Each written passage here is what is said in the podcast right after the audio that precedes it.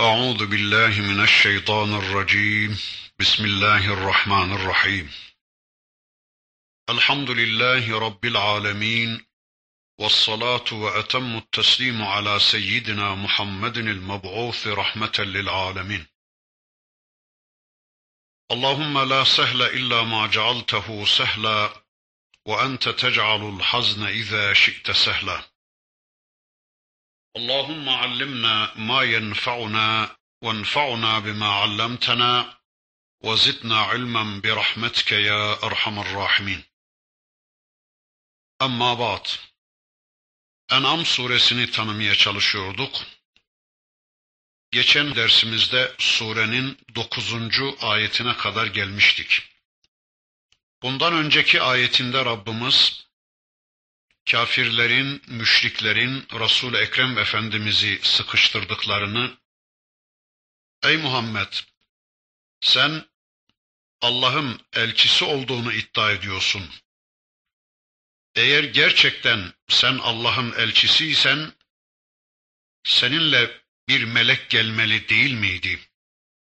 Allah yanı başında bir melek göndermeli ve o melek senin Allah'ın elçisi olduğuna şehadette bulunmalı değil miydi?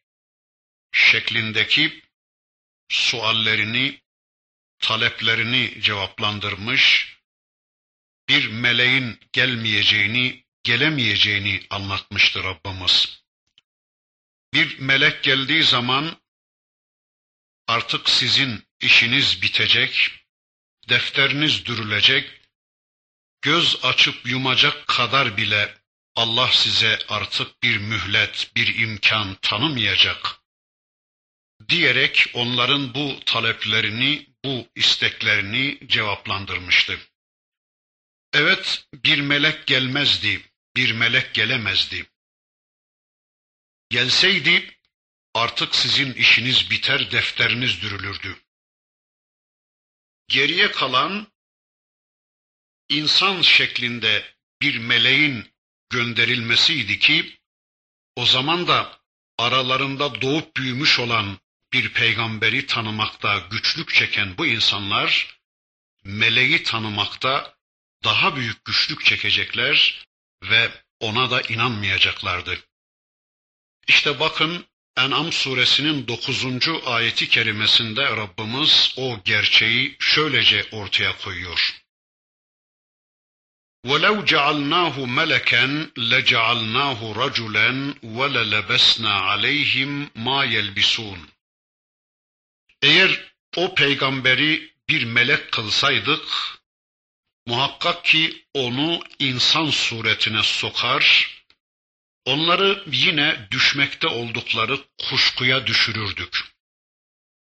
Yani eğer o peygamberi bir melek olarak gönderseydik, konuşmasının anlaşılması, kendisinden istifade edilebilmesi, kendisinin örnek alınabilmesi için onun da bir erkek şeklinde olması icap ederdi.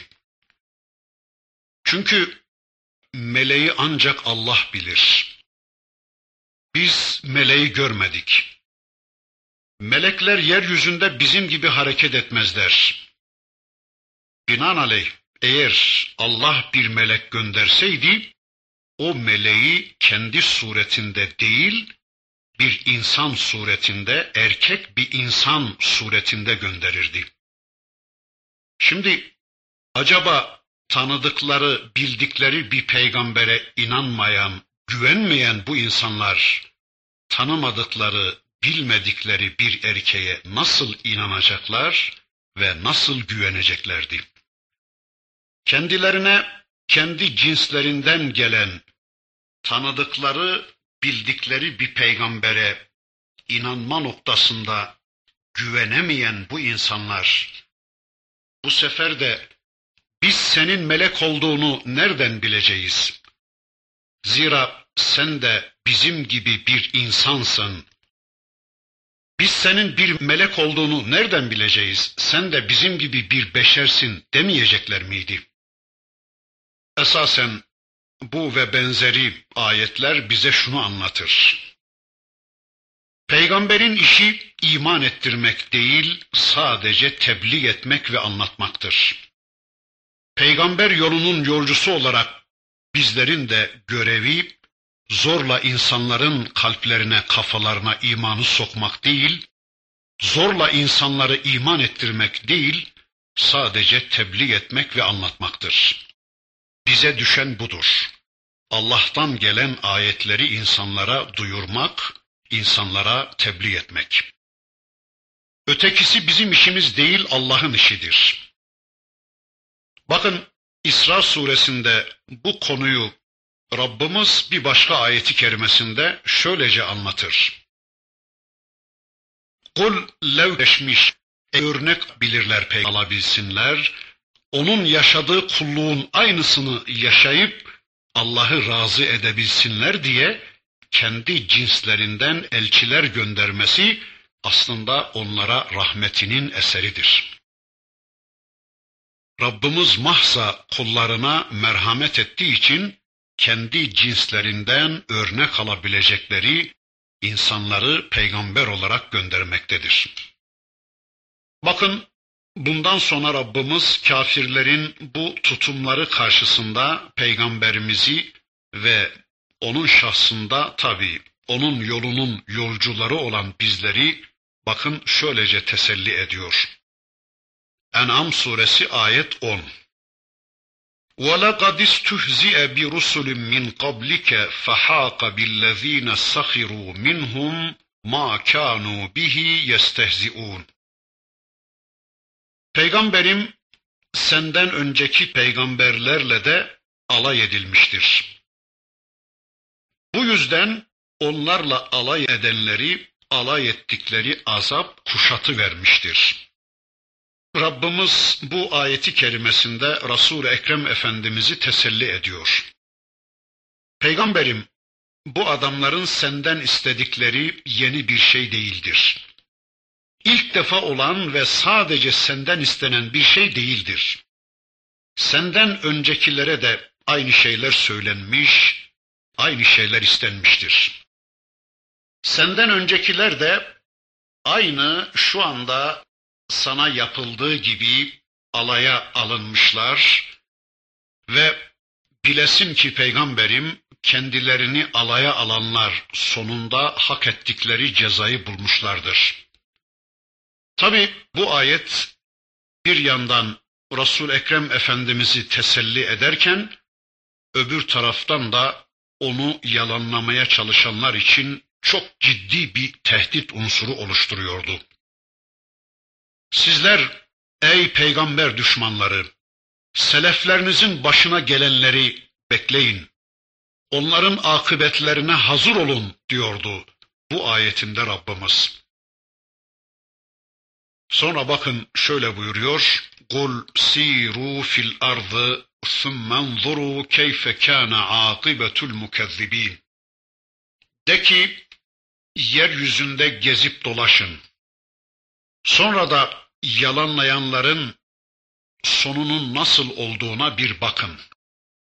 De ki anlamına gelen bu emirler surede sık sık tekrarlanacak görüyoruz. Bu emirler önce Resul-i Ekrem Efendimiz'e ve onun şahsında onun yolunun yolcusu olan biz Müslümanlara birer hitaptır. Ey peygamberim ve ey peygamber yolunun yolcuları! Bunları okuduğunuz bu ayetleri önce kendinize deyin, kendinize duyurun diyor Rabbimiz. Bu ayetleri önce kendi gündeminize alın. Gündeminizi bu ayetlerle oluşturun. Sonra da bu ayetleri tüm yeryüzü insanlığına duyurun. Tebliğ edin emrini veriyor Rabbimiz. Okuyanlar okudukları andan itibaren, dinleyenler de duydukları andan itibaren bu ayetleri gündeme getirmek zorundadır. İşte surede sık sık tekrar edilecek olan bu kul emirleri, bu kitabın Allah'tan geldiğinin beyanıdır. Bir, bir de bu ayetlerin gündeme alınmasının emridir. Allah diyor ki, yeryüzünde gezip dolaşın. Allah'ın ayetlerini, Allah'ın sistemini yalanlayanların akıbetleri nasıl olmuş bir bakın. Ayeti kerime bizden geçmişi ibretle tahlil edip, geçmişi ibretle inceleyip, ondan ibret almamızı istiyor. Bizim yaşadığımız hayat açısından ve de geleceğimiz açısından bunun gerekli olduğunu anlatıyor Rabbimiz. Öyleyse bizler bizden öncekilerin durumlarını incelemek, tahlil etmek zorundayız. Peki acaba bizden öncekilerin durumlarını anlamanın, bilmenin yolu ne? Bunun birinci yolu Kur'an'dan geçer. Öyleyse bizler bizden öncekilerin durumlarını öğrenebilmek için evvela bu gezintimizi Kur'an'da yapmak zorundayız.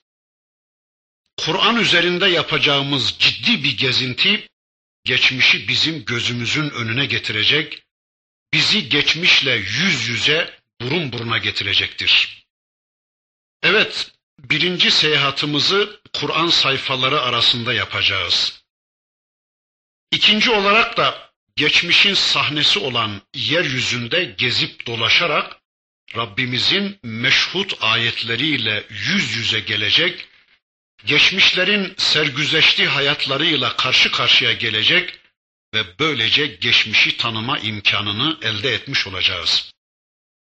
Tabi bunu elde edince de geçmişi yargılama, geçmişten ibret çıkarabilme imkanını elde etmiş olacağız. Yani geçmiştekiler niçin helak olmuşlar? Bunlar ne yapmışlar, nasıl yaşamışlar da helak olmuşlar?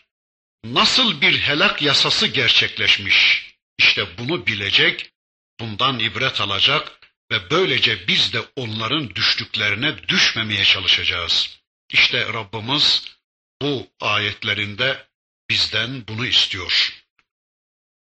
De ki ey peygamberim ve sizler de deyin ey peygamber yolunun yolcuları. Geçmişte hakkı yalanlayanların, dinin aleyhinde kıyam edenlerin akıbeti ne oldu? Eyke'nin, Ashab-ı Uhdud'un, Ashab-ı Hud'un, kavmi Lud'un, Sodom, Gomer'in hali nice oldu. Bizans'ın, Roma'nın hali nice oldu. Onlar hakkı yalanlamışlar.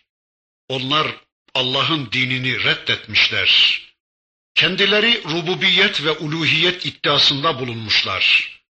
Ya Rabbi, her ne kadar sen eğitiminiz şöyle olsun demişsen de, hukukunuz böyle olsun, ekonominiz şöyle olsun, ticaretiniz, aile hayatınız, sosyal düzeniniz, siyasal yapılanmanız şöyle olsun demişsen de, biz böyle de yaparız diyenlerin akıbetleri ne oldu bir bakın, bir görün diyor Rabbimiz. Allah öyle dediği halde demedi diyerek, Allah'ın dediklerini demedi diyerek ya da Allah öyle demediği halde, Allah öyle buyurmadığı halde, Allah öyle dedi diyerek, yani dediğini demedi, demediğini dedi diyerek yalan söyleyenler. Allah dünyayı yarattı ve işi bitti diyerek, artık Allah hayata karışmıyor diyerek, Allah hayata karışmaz diyerek yalan söyleyenler. Allah dünyayı yaratmış ve işi bitmiştir. Allah dünyayı yaratmış ama dünya idaresini bize bırakmıştır diyerek yalan söyleyenler. İnsanlık için en ideal sistem insanların tespit ettikleri sistemdir. Allah sistem konusunda bilgisizdir.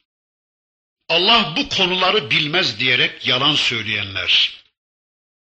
Tüm bu yalancıların akıbetleri nasıl olmuş bir bakın diyor Rabbimiz. Gezin, dolaşın ve onların akıbetlerine bir bakın diyor. Yeryüzü bunların enkazlarıyla doludur. Allah'ın Resulü Mekke ile Tebuk arasında bir mevkiden geçerken ashabına buyuruyor ki burada konaklamayın. Buradan hızlı geçin. Zira burası Allah'ın gazap ettiği bir yerdir. Burası Salih Aleyhisselam'ın devesini kafirlerin kestikleri yerdir buyurdular. Evet, böyle gezip dolaşırken helak edilenlerden ibret almalıyız. Onlardan ibret çıkarmalı, onlardan ders almalı ve onların düştüğü yanlışlara biz de düşmemeye çalışmalıyız. İşte bu ayetinde Rabbimiz bize bunu anlatıyor. Sonra 12. ayeti kerimesinde Rabbimiz buyuruyor ki bakın Kul limen fis semavati vel arz Kul lillah ketebe ala nefsihi rahme ليجمعنكم إلى يوم القيامة لا ريب فيه الذين خسروا أنفسهم فهم لا يؤمنون Kul de ki peygamberim limen ma fis semavati vel arz Göklerde ve yerde olanlar kimindir? Kul lillah de ki Allah'ındır. Ketebe ala nefsihi rahme o Allah rahmet etmeyi kendi nefsine yazmıştır. لَيَجْمَعَنَّكُمْ ila يَوْمِ الْقِيَامَةِ la raybe fih Andolsun ki sizi vuku konusunda şüphe olmayan kıyamet gününde hepinizi toplayacaktır. اَلَّذ۪ينَ خَسِرُوا أَنْفُسَهُمْ فَهُمْ لَا يُؤْمِنُونَ Ama kendilerine yazık edenler iman etmeyenlerdir. Ya da iman etmeyenler kendilerine yazık etmişlerdir. Bakın bir kul emri daha geliyor. De ki ey peygamberim sizler de deyin ey Müslümanlar Göklerde ve yerde olanlar kimindir? Göklerdeki ecram-ı semaviye, melekler, ay, güneş, yıldızlar, gezegenler, galaksiler ve bilmediğimiz daha nice varlıklar kimindir? Yerdekiler, insanlar, hayvanlar, bitkiler, dağlar, taşlar, ağaçlar, evler, villalar, köşkler, paralar, mallar, mülkler, altınlar, gümüşler kimindir? Tabi bu soruyu önce kendimize soracağız, sonra da karşımızdakilere soracağız. Soracağız ama beklemeyeceğiz karşımızdakinin cevabını. Çünkü karşımızdaki yanılabilir, yanlış anlayabilir. Onun cevabını beklemeden biz kendimiz diyeceğiz ki Allah'ındır. Lillah, Allah'ındır. Göktekiler ve yerdekilerin hepsi Allah'ındır. Her şey Allah'ındır. Göklerde ve yerde ne varsa hepsi Allah'ındır.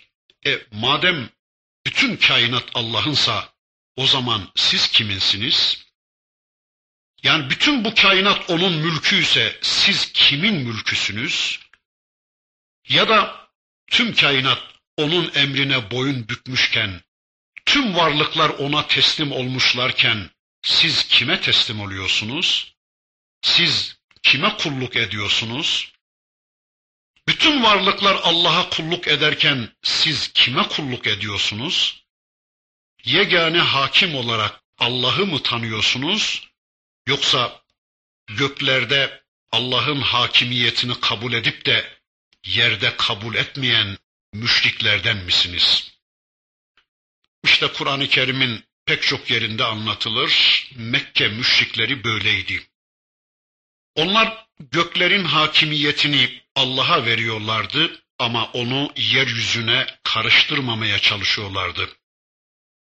Onlar yerde Allah'ın yardımcıları olduğuna inanıyorlardı. Onlar yeryüzünde Allah'ın izni olmadıkça hiç kimsenin tasarruf hakkının olmadığını bir türlü kabule yanaşmıyorlardı. Hayatlarının bazı bölümlerinde Allah'a kulluk ediyorlardı. Hayatlarının bazı bölümlerine Allah'ı karıştırıyorlar ama bazı bölümlerine Allah'ı karıştırmıyorlardı.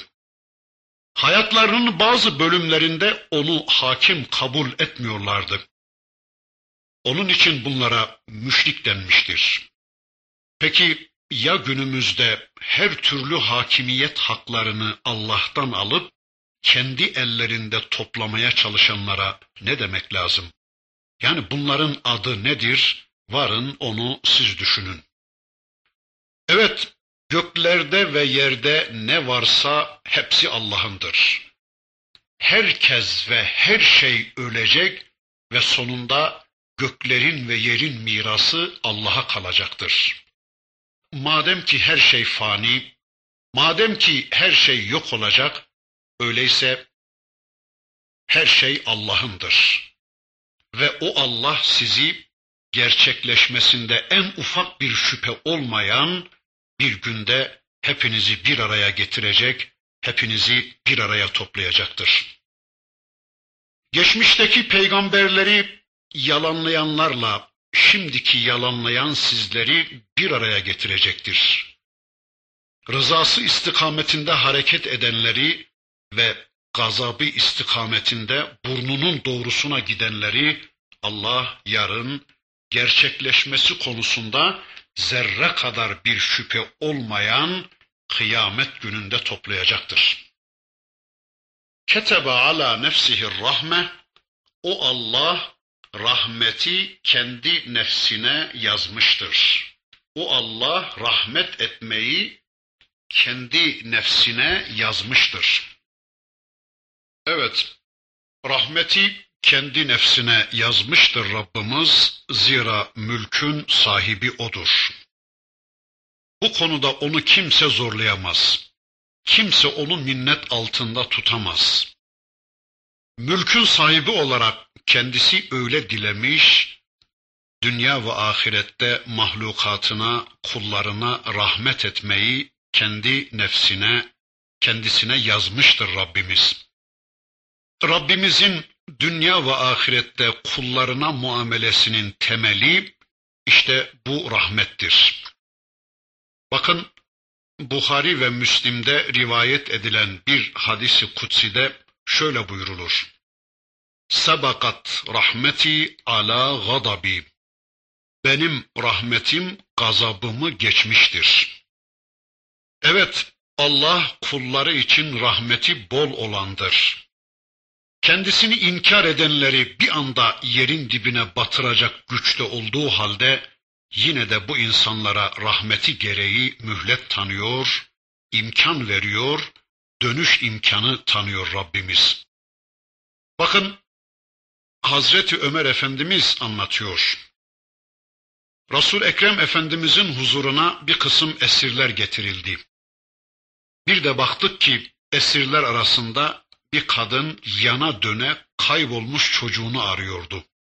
Bu kadını gösteren Allah'ın Resulü şöyle buyurdu. Şu kadını görüyor musunuz? Onun aradığı çocuğuna duyduğu şefkat ve merhametten çok daha fazlasıyla Allah size merhamet etmektedir. Çocuğunun kendisine dönmesine bu kadının sevinmesinden çok daha fazlasıyla sizin Rabbinize dönmenizden Allah sevinmektedir, Allah memnun olmaktadır. Evet, rahmet İslam'ın ana umdesidir. Yaşadığımız bir tek saniye yoktur ki bizler Rabbimizin rahmeti altında olmayalım.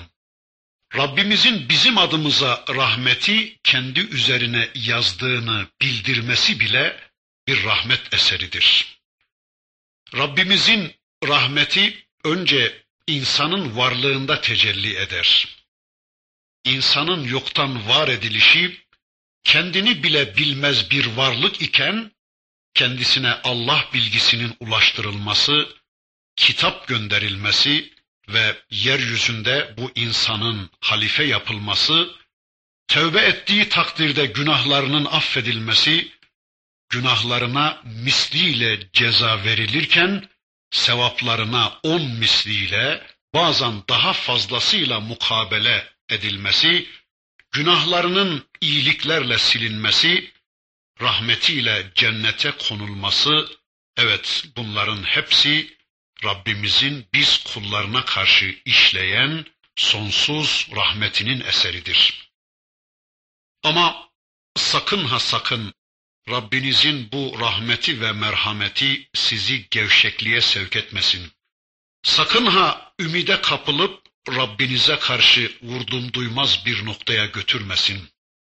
Çünkü o Allah sizi vuku konusunda hiç şüphe olmayan bir günde, kıyamet gününde sizi huzurunda toplayacaktır. O sizin topunuzu bir gün huzurunda toplayacaktır ve o günde asla bir şüphe yoktur. اَلَّذ۪ينَ خَسِرُوا اَنْفُسَهُمْ فَهُمْ لَا يُؤْمِنُونَ Kendilerine yazık edenler inanmayanlardır. Evet, iman etmeyenler, nefislerini ziyan edenler, kendilerini bozuk para gibi harcayanlar var ya, sermayelerini kötüye kullanıp suistimal edenler, iradelerini, akıllarını, istidat ve kabiliyetlerini suistimal edenler, zamanlarını, imkanlarını, fırsatlarını kötüye kullananlar var ya, işte bunlar kendilerini kaybetmişlerdir. Kendisini kaybeden bir insan bir şey kazanabilir mi? Bunlar sermayelerini kaybetmiş insanlardır. Sermayeyi kaybeden birinin kar etmesi asla düşünülemez. Fıtri olarak Allah'ın kendilerine verdiği verici ve alıcı cihazları bozulmuş insanlardır bunlar. Hasılı bozuk para gibi kendilerini harcamış insanlardır bunlar. Evet, kaybedenler, zarara uğrayanlardır bu iman etmeyenler. Kendilerini ilahi rahmetten uzaklaştıranlar ve böylece kendilerine yazık ederek kendilerini, bedenlerini, vücutlarını cehenneme ipotekleyen insanlardır bunlar. Şurasını hiçbir zaman hatırımızdan çıkarmamalıyız ki kar ya da zarar dünya hesabına göre yapılmaz. Kar ve zarar ahiret hesabına göre yapılmalı. Cennet ve cehennem hesabına göre yapılmalıdır. Öyleyse ey Müslümanlar, ey insanlar, karınızı, zararınızı dünya hesabına göre yapmayın. Dünyada mal mülk sahibi olunca, dünyada filan ya da falan makama gelince kazandık zannetmeyin. Çok paraya sahip olunca kazandık zannetmeyin. Şunu kesinlikle bilin ki kişi dünyada neye sahip olursa olsun, hangi mülke, hangi makama, hangi saltanata sahip olursa olsun iman etmemişse kesinlikle kaybetmiştir o kişi. İşte Rabbimiz En'am suresinin 12. ayeti kerimesinde bize bunu anlatıyor. Sonra buyuruyor ki bakın وَلَهُ مَا سَكَنَ فِي اللَّيْلِ وَالنَّهَارِ وَهُوَ السَّمِيعُ الْعَلِيمُ Gecede ve gündüzde sakin olan her şey Allah'ındır. O işiten ve bilendir. Daha önceki ayette ifade edildi. Göklerde ve yerde olan her şey O'nundur. Gecede ve gündüzde sakin olan her şey de O'nundur. Yani duran, yürüyen, gündüz görünen, gece görünen ne varsa her şey O'nundur. Zaman ve mekanın sahibi Allah'tır.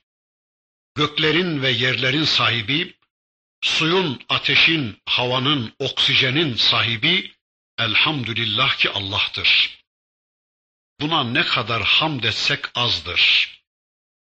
Eğer bütün bunların sahibi Allah değil de başkaları olsaydı, mesela bunların sahibi insanlar olsaydı ne olurdu bizim halimiz hiç düşündünüz mü? Ne yapardı bu insanlar bize? Gecede uyudun, ver parasını. Gündüzü idrak ettin, öde ücretini. Güneşten ısındın, güneşten aydınlandın, çıkar parayı. Su içtin, ateşi kullandın, sökül paraları. Havamı yuttun, oksijenimi kullandın, öde faturayı. Gölgemde serinledin, bulutumu kullandın, çıkar parayı. Elmayı yedin, armudu ısırdın, ver ücretini. Evet, eğer bütün bu nimetler Allah'ın değil de başkalarının olsaydı, bütün bu bedava kullandığımız nimetler insanların elinde olsaydı, halimiz bitikti o zaman. Mesela bakın bir arkadaşımız basit bir hesap yapmıştı. Diyor ki, eğer şu güneş olmasaydı ve şu anda güneşten aldığımız enerjiyi bir elektrik kurumundan parayla satın almak zorunda kalsaydık, sadece bir tek dakika ısınabilmek için elektrik kurumuna 150 milyar lira ödemek zorunda kalacaktık. Tabi eğer elektrik kurumu tüm dünyamızı ısıtacak, böyle bir enerjiyi üretecek güçte olsaydı. Düşünebiliyor musunuz? Bir tek dakika yaşayabilmek için 150 milyar lira ödemek zorundayız. Var mı o kadar paranız? Elhamdülillah ki tüm bu mallar ve mülkler Rabbimizindir. Ve Rabbimiz o kadar merhametlidir ki, o kadar cömert ki Rabbimiz, kendini inkar edenlere bile bu nimetlerini bezletmektedir, bol bol sunmaktadır, onlardan bile bu nimetlerini esirgememektedir. Eğer bütün bunlar insanların ellerinde olsaydı, başkalarına zırnık bile vermezlerdi, veremezlerdi. Yani kimsenin kimseye faydası olmazdı. Şükürler olsun ki Rabbimiz bu konuda herkesi eşit yaratmış, kimseye farklı yetkiler vermemiş. Evet, her şey Allah'ındır. Tamam, her şey Allah'ın anladık da bu Allah'ın bizden ne haberi olacak? Yani bu Allah bizi nereden görecek? Bizi nasıl duyacak? Bizim halimize nasıl muttali olacak demeyin. Çünkü ve huves semi'ul alim. O Allah her şeyi işiten ve bilendir. Yani ondan gizli kalacak ne bir söz ne de bir hareket yoktur. Hal böyleyken göklerin ve yerin sahibi Allah iken beni yaratan ve beni sayısız rızıklarla donatan, perverde eden Rabbim dururken قُلْ اَغَيْرَ اللّٰهِ اَتَّخِذُ وَلِيًّا فَاطِرِ السَّمَاوَاتِ وَالْأَرْضِ وَهُوَ يُطْعِمُ وَلَا يُطْعَمُ قُلْ إِنِّي أُمِرْتُ أَنْ أَكُونَ أَوَّلَ مَنْ أَسْلَمَ وَلَا تَكُونَنَّ مِنَ الْمُشْرِكِينَ Evet, gökleri ve yeri yaratan, kendisi doyurulmayıp doyuran Allah'tan başka bir veli mi edinirim ben kendime? Doğrusu ben Müslümanların ilki olmakla emrolundum ve asla şirk koşanlardan olmamakla emrolundum de peygamberim. Evet, Rabbimiz peygamberine emrediyor ve diyor ki, peygamberim de ki ben Allah'tan başka bir veli mi bulayım kendime? Ben Allah'tan başka bir veli mi edineyim? Yani ben Allah'tan başka birinin velayetini kabul edip onun hakimiyetine boyun mu bükeyim? Allah'tan başka birilerini veli kabul edip de ona kulluk mu edeyim? Yani boynumdaki kulluk ipinin ucunu onun eline mi vereyim? Allah'tan başka birisini veli kabul edip de irademi ona mı teslim edeyim? Hayatıma kulluk maddesi alacak, bana hayat programı belirleyecek, Allah'tan başka kendime bir veli mi bulayım? Aile hayatım nasıl olsun diye sormaya ona mı gideyim? Hukuk düzenim nasıl olsun diye, ekonomik anlayışım nasıl olsun diye, siyasal yapılanmam nasıl olsun diye, ticaretim, işim, aşım, mesleğim nasıl olsun diye, kılık kıyafetim, yemem, içmem nasıl olsun diye, çocuklarıma karşı eğitimim nasıl olsun diye, hanımımla münasebetim nasıl olsun diye sormaya ona mı gideyim? Yani Allah'tan başka kendime bir veli mi bulayım? Ya da hayatımda Allah'la beraber başkalarına da karışma alanı bırakıp hayatıma Allah'tan başkalarına da karar verme hakkını vererek müşrik mi olayım ben? O Allah ki göklerin ve yerin yaratıcısıdır. Göklerde ve yerde ne varsa hepsinin var edicisi, göklerin ve yerlerin tek Rabbi, tek hakimi, mutlak hakimi ve mutlak otoritesi Allah iken, onu bırakayım da ben onun berisinde, onun düğününde kendime veliler mi bulayım? Ki o Allah doyurandır ama doyurulmak istemeyendir. Ve huve yut'imu ve la yut'am. O Allah doyurandır, besleyendir, rızık verendir, para verendir, dükkan verendir, at araba verendir, apartman arsa verendir, hava, su, güneş, yağmur verendir, elma, armut, portakal verendir ama bunların hiçbirisine muhtaç olmayandır.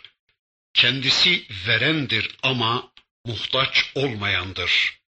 Yani o doyurulmak istemeyendir. Yani paramıza, pulumuza, yemeğimize, aşımıza, atımıza, arabamıza muhtaç olmayandır o Allah. Evet, işte veli budur.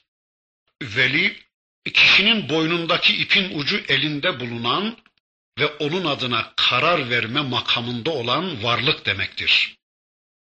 Daha önceki derslerimizde de bu konuda epey bir şeyler demiştik ama yeri gelmişken yine Rabbimiz tekrar tekrar bu kavramı bize sunduğuna göre inşallah yine bir şeyler söyleyelim. Veli bir varlık adına ona danışmadan onun namı hesabına tek taraflı karar verme makamında olan varlık demektir. Allah müminlerin velisidir.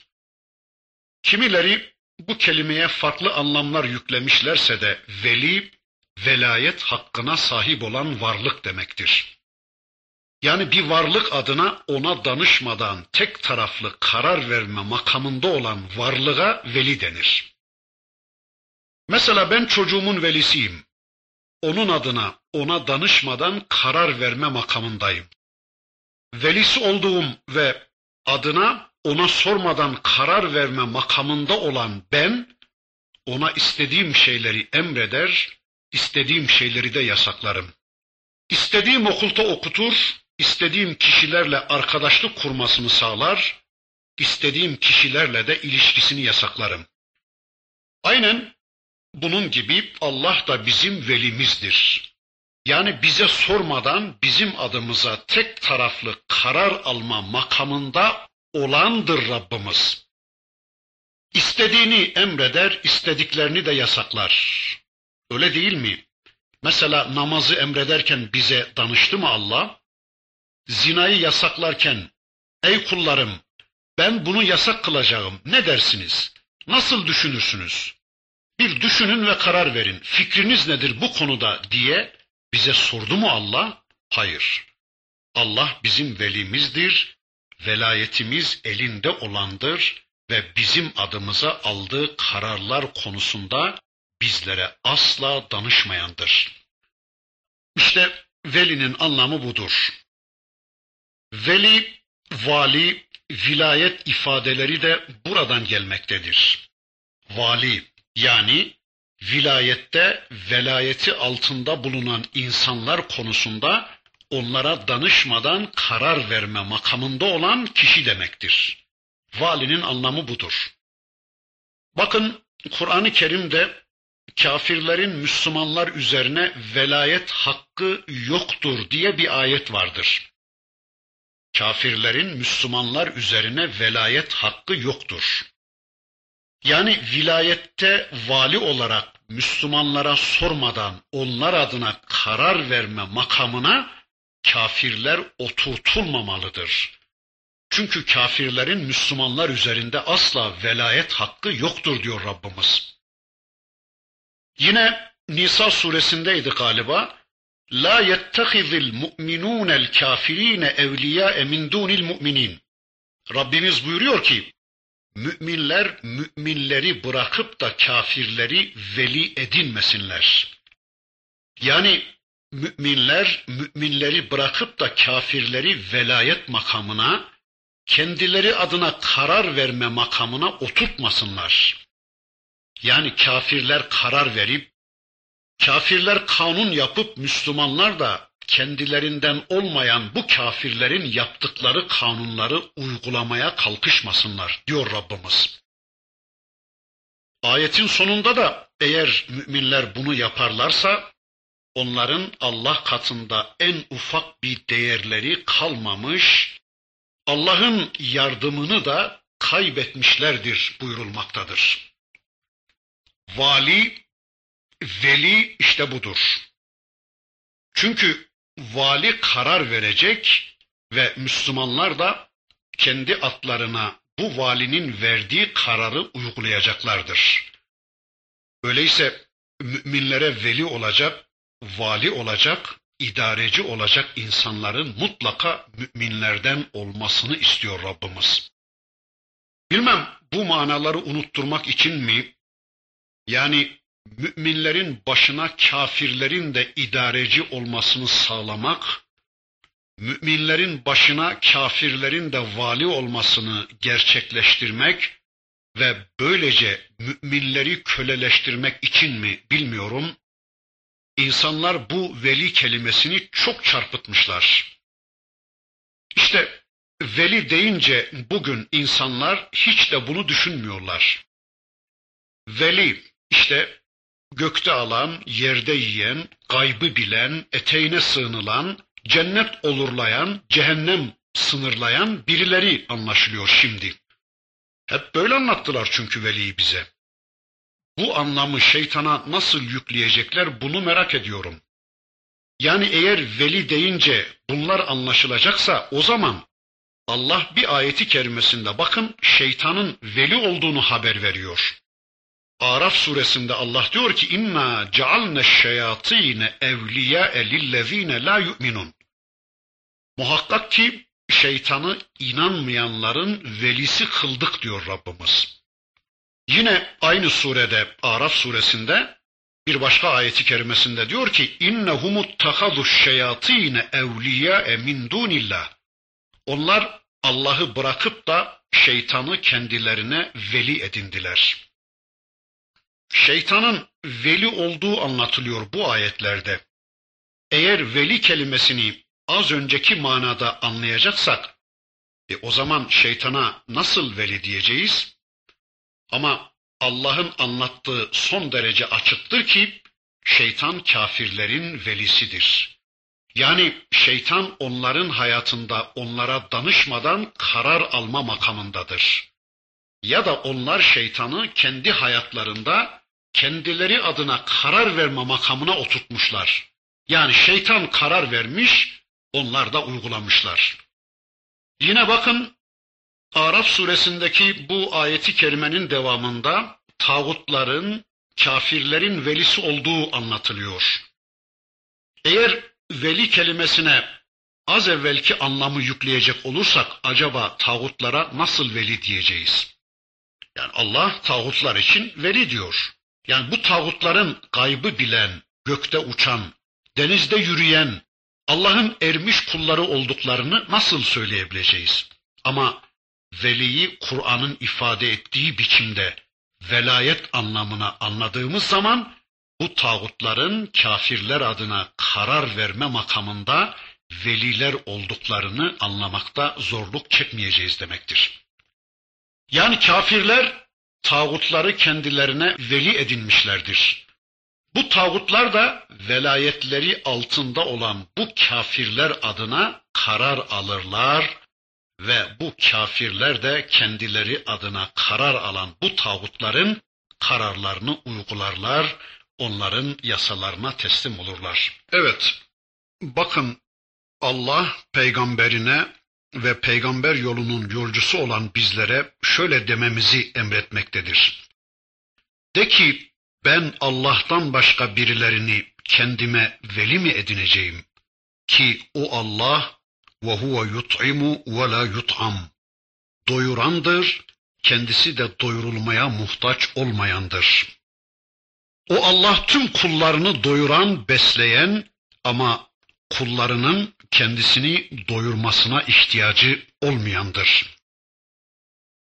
Ama bakıyoruz dünyada Allah'ı bırakıp da Allah'ın velayetini bırakıp da insanların veli kabul edip aldıkları kararlara boyun büktükleri, kanunlarını uygulamaya çalıştıkları, arzularını yerine getirmeye çalıştıkları insanlar kendilerine bel bağladıkları varlıkları yani velayeti altındaki kullarını, kölelerini, vatandaşlarını doyurmak ve beslemek şöyle dursun, onlardan beslenmek durumundadırlar.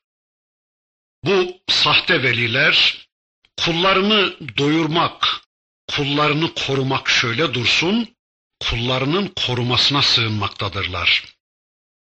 Kullarından aman beni koruyun, aman beni yıkmak isteyenlere karşı beni koruyun diye onlardan korunma talep etmektedirler.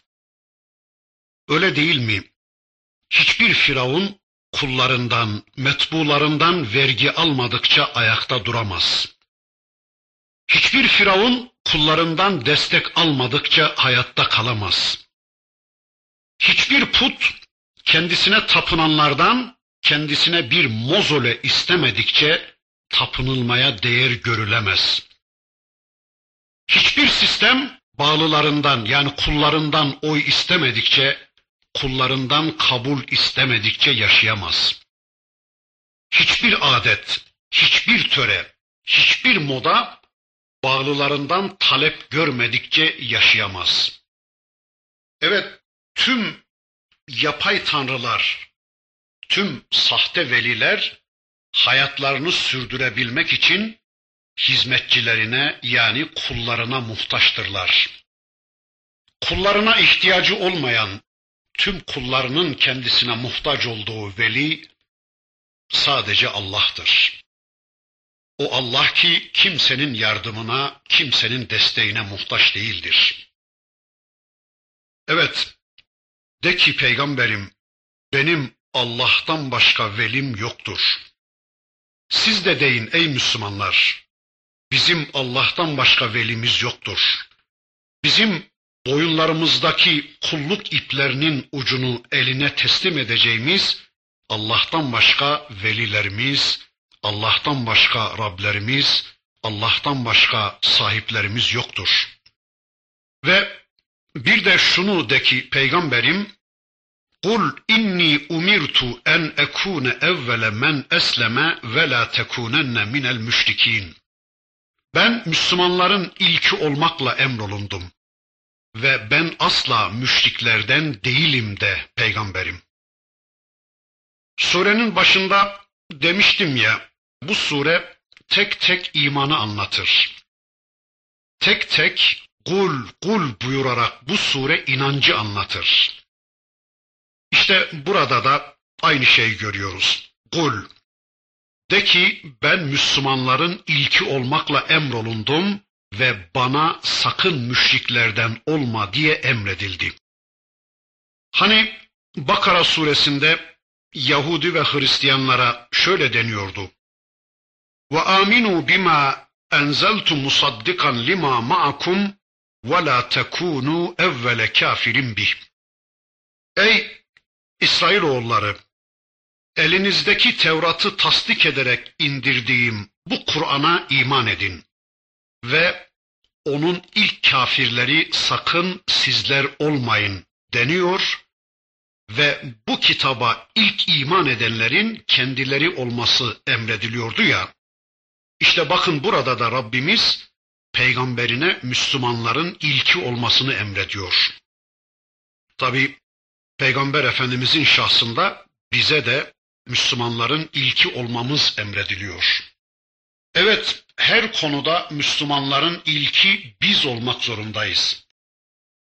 Allah'ın emirlerinden birisine teslim olmak söz konusu olduğu zaman, Allah'ın emirlerinden birisinin ifası yani yerine getirilmesi söz konusu olduğu zaman, etrafımızda hiç kimse olmasa bile hemen ben diyeceğiz. Müslümanların ilki olacağız. Ama bakıyoruz ki bugün bizler Allah'ın emirlerinden birisinin ifası söz konusu olduğu zaman deriz ki önce birileri başlasın. Önce filanlar başlasın, arkasını biz getiririz diyoruz. Allah korusun. Mesela köyde hizmet yapan birisine kardeş köyünde şöyle bir hizmet başlatsan, her gün çevrendekilere bir ayet, bir hadis anlatsan filan denince diyor ki ah benden önce bir kişi bunu yapmış olsaydı. Keşke benden önce bu konuda çığır açan birisi olsaydı ben de çok rahat yapardım diyor. Veya bir başkasına kardeş düğününde şöyle şöyle yapsan olmaz mı deyince diyor ki adam ah benden önce bir kişi bunu yapmış olsaydı o zaman ben de çok rahat yapardım bunu. Yani hep başkalarından bekliyoruz. İlk defa başkaları yapsın, ilk defa başkaları başlasın, ilk defa başkaları çıksın, biz arkasından geliriz diyoruz. Yani hep başkalarını bekliyoruz. Halbuki fazilet ilk başlayandadır. Fazilet ilk başlatandadır. Hani Resul Ekrem Efendimizin bir çığır açma hadisi vardı. Allah'ın Resulü buyuruyordu ki, kim dinde hayırlı bir çığır açarsa, açtığı bu çığırın sevabı bu adama ait olduğu gibi, kıyamete kadar açılan bu çığırdan gidenlerin sevaplarının bir misli de kendilerininki eksilmeksizin yine o kişinin defterine yazılacaktır. Tabi bunun zıttı da vardı. Kim de dinde kötü bir çığır açarsa o açtığı çığırın vizri yani vebali günahı onun omuzuna yazılacağı gibi o çığırdan kıyamet gününe kadar gidenlerin günahlarının bir misli yine onun sırtına yazılacaktır buyuruyordu Allah'ın Resulü. Mesela insanların Kur'an'a yönelmesi adına, insanların sünnetle iştigal etmesi adına kim bir adım atarsa, kim bir çığır açarsa, karşısındakilerde meydana gelecek İslami değişikliklerin sevabının bir misli bu ilk adım atan kişiye verilecektir. Öyleyse her konuda Müslümanların ilki olmaya çalışacağız. Hayır işlerde, hayırlı işlerde başkalarını beklemeyeceğiz ah benden önce keşke bunu birileri yapsaydı demeyeceğiz. Onu ilk yapan biz olacağız Allah'ın izniyle. Vaktimiz doldu inşallah burada kalalım. Gelecek dersimizde bu ayet bitmedi. Bu ayetle alakalı bir şeyler söyledikten sonra En'am suresinin öteki ayetlerini tanımaya inşallah devam ederiz. Allah yar ve yardımcımız olsun. Velhamdülillahi Rabbi.